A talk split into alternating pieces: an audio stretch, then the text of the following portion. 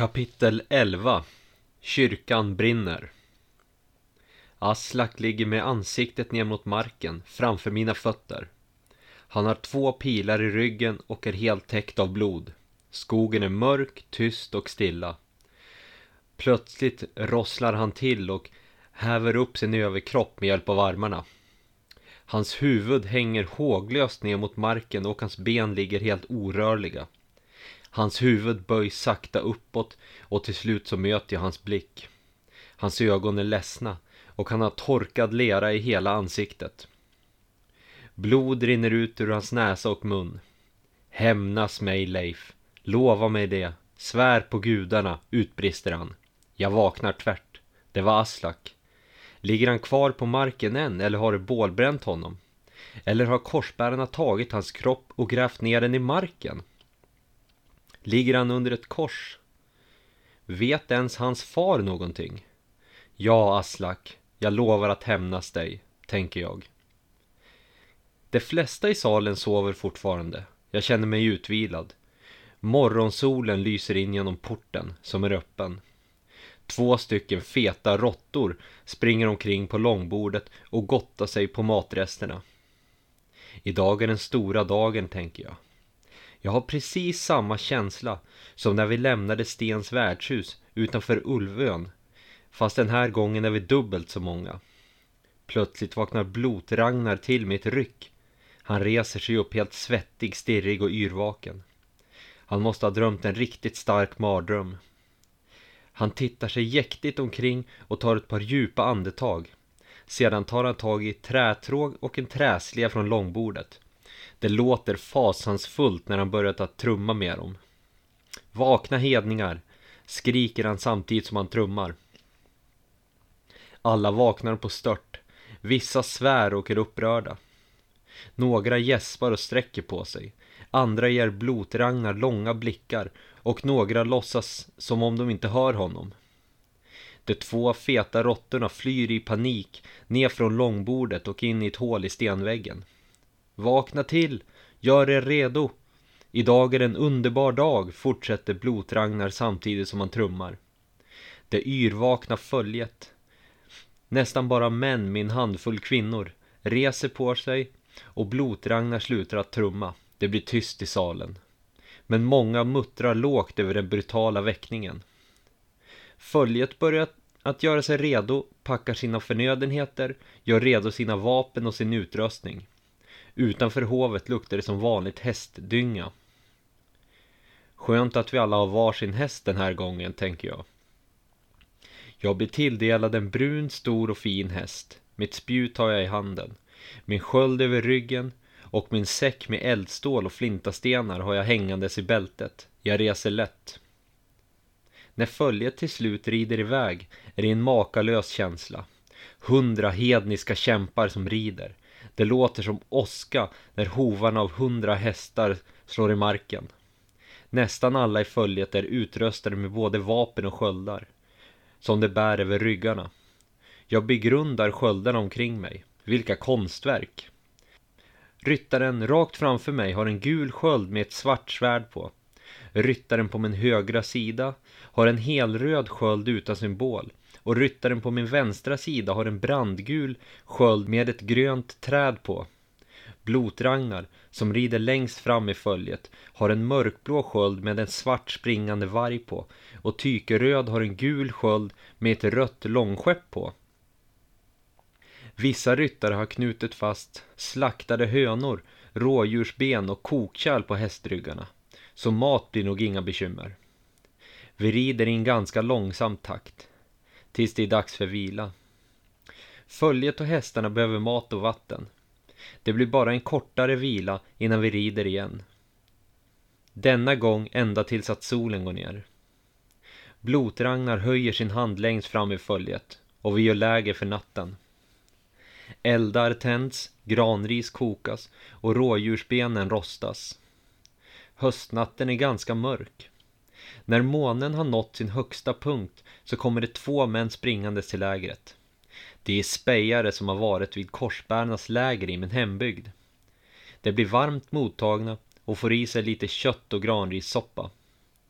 Det står med blotragna Tykeröd och en handfull andra. Jag smyger dit av nyfikenhet. Nå, vad har ni sett? Frågar blotragna dem. Korsbärarna är runt 30 stycken. Ungefär 20 stycken av dem föll i slaget för tre månader sedan. Deras läger är skyddat av pålverk åt alla håll, utom söderut. Där finns en stor öppning, svarar en av spejarna. Hmm, säger Blotragnar förundrat och drar fingrarna genom sitt skägg. Alla blickar vänds förväntansfullt mot honom. Vi är tre gånger så många och nästan alla av oss bär sköld. Vi rider in i deras läger med full styrka, utbrister han. Glädjerop och lovord utbrister i följet. Många här verkar tycka att strid är det absolut bästa som finns. De hedningar som föll i slaget för tre månader sedan, vad hände med deras kroppar? Ligger det kvar än? frågar jag en spejare. Alla som föll har blivit nedgrävda och fått kors resta över sig, svarar han nedstämt. Jag blir alldeles tom. Följets glädje över att snart få strida avtar. Blotragnar lägger sin hand på min axel. Jag är övertygad om att efterlivet återspeglar hur man lever och hur man dör.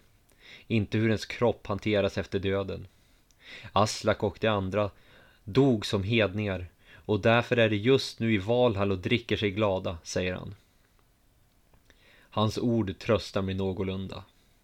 Bara inte deras latinska ord och korsets makt trollbinder dem på något sätt. Så att de inte kan hitta till Valhall, tänker jag. Mitt sinne visar hemska bilder av hur Aslak grävs ner i marken, om och om igen. Jag känner mig trött och låg och bestämmer mig för att sova. Marken är lite kall och jag har ingen filt eller fäll. Men jag somnar tids nog i alla fall. Nästa morgon vaknar jag när solen går upp. Jag känner mig helt utvilad. Idag kommer vi att nå korsbärarnas läger och min hembygd. Jag har en klump i magen. Dock bara en liten den här gången. Jag känner på mitt ärr på låret och blir påmind om hur det gick förra gången. Men nu är vi tre gånger så många som våra fiender, tänker jag uppmuntrande. Frukosten består av, som vanligt, havregrynsgröt som tillreds i kokkärl som några i följet tar med sig. Vi får inga egna fat, utan vi får slevar och äter direkt ur kokkärlen. Jag känner mig lite frusen efter natten, men gröten värmer upp mig. Vi hinner knappt äta upp innan det är dags för avmarsch. Vi rider en längre tid. Plötsligt börjar jag att känna igen mig lite. Vi är i bygden nu. Det är inte alls långt kvar till Korsbärarnas läger. Eller Kråkrunes gård som jag skulle vilja kalla den. Blotragnar höjer sin hand och följet stannar. Det blir helt tyst.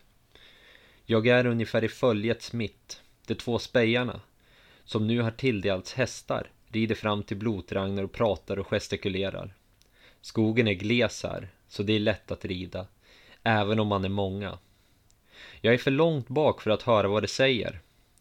Undrar om följet vet att det här är min hembygd, tänker jag. Jag har varit så fokuserad på dagens eventuella strid så att jag knappt pratat med någon av de andra på hela dagen. Blotragnar och de två spejarna rider runt till alla i följet och berättar hur vi ska gå tillväga. Korsbärarna är bara en bit fram. Vi rider tre i bredd med sköldarna redo. Stanna inte förrän ni är inne i lägret, säger en spejare till mig och några andra. Följet ställer sig i formation, tre hästar i bredd, 30 rader. Jag hamnar mitt i följet, med en ryttare på var sida. Jag greppar mitt spjut och min sköld hårt. Häll Oden, ropar Blotragnar kraftfullt så att det ekar genom skogen. Hästarna stormar framåt. Marken skälver av hovarna. Efter bara ett ögonblick syns pålverket runt korsbärarnas läger, långt där framme. Men det kommer snabbt närmare. Det står korsbärarna uppe på pålverkets kant och vräker ner pilar mot oss. Det är inte alls långt kvar nu. Jag täcker mig så gott jag kan med skölden. Följet dundrar fram i oförminskad takt. Ryttaren på min vänstra sida får en pil i skölden.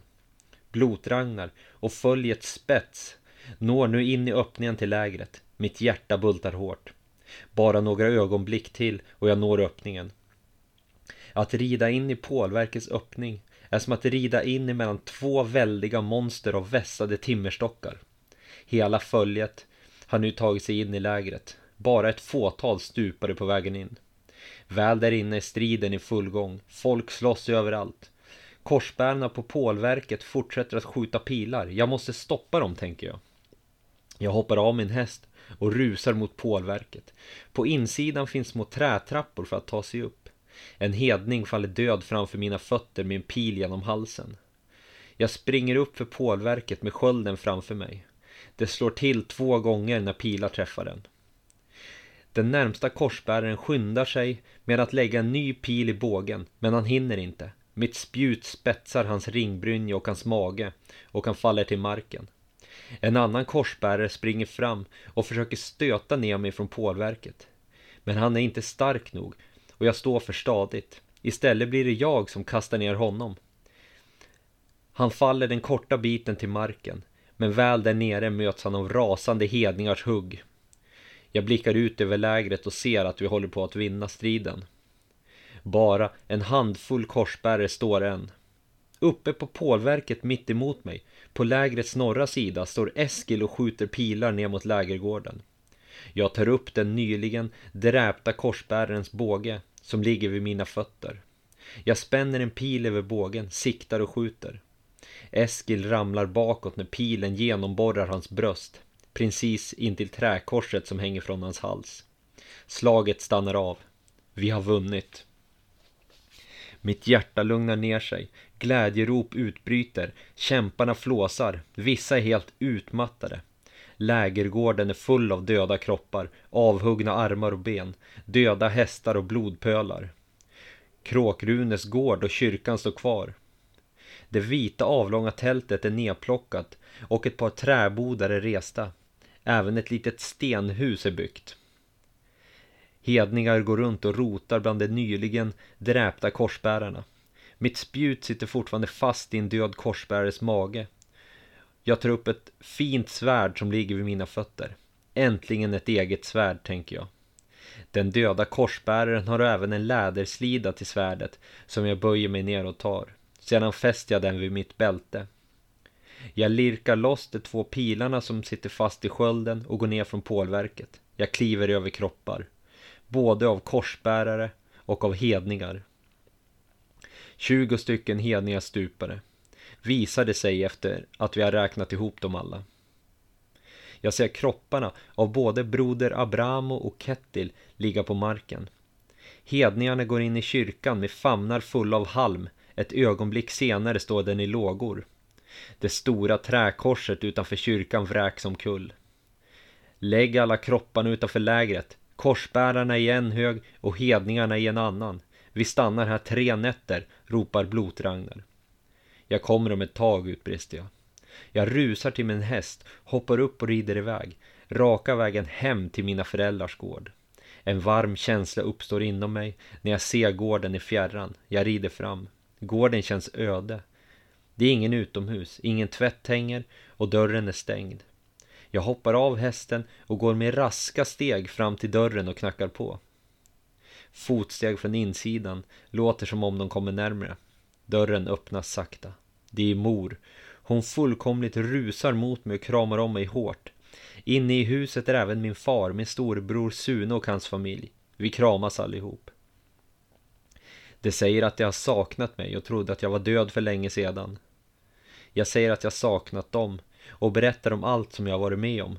Ulvön, Stens värdshus, slaget vid Ullskulle, läketiden och Sygin, hur jag byggde en egen sköld, höstblotet i gudahovet och hur vi nyligen dräpt alla korsbärarna i bygden och bränt kyrkan. Annars verkar livet på gården att vara sig likt. Mor och far verkar vara upprymda över att jag är hemma och att jag lever. Att vara tillbaks här river dock upp sår. Tankarna går till Jorun och Aslak hela tiden. Jag stannar hos mor och far på gården i två nätter.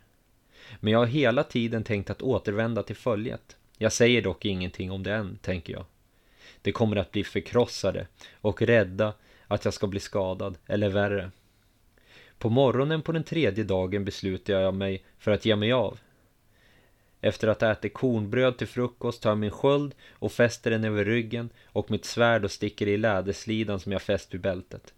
Jag går fram till mor och far. De förstår direkt och bryter ut i tårar.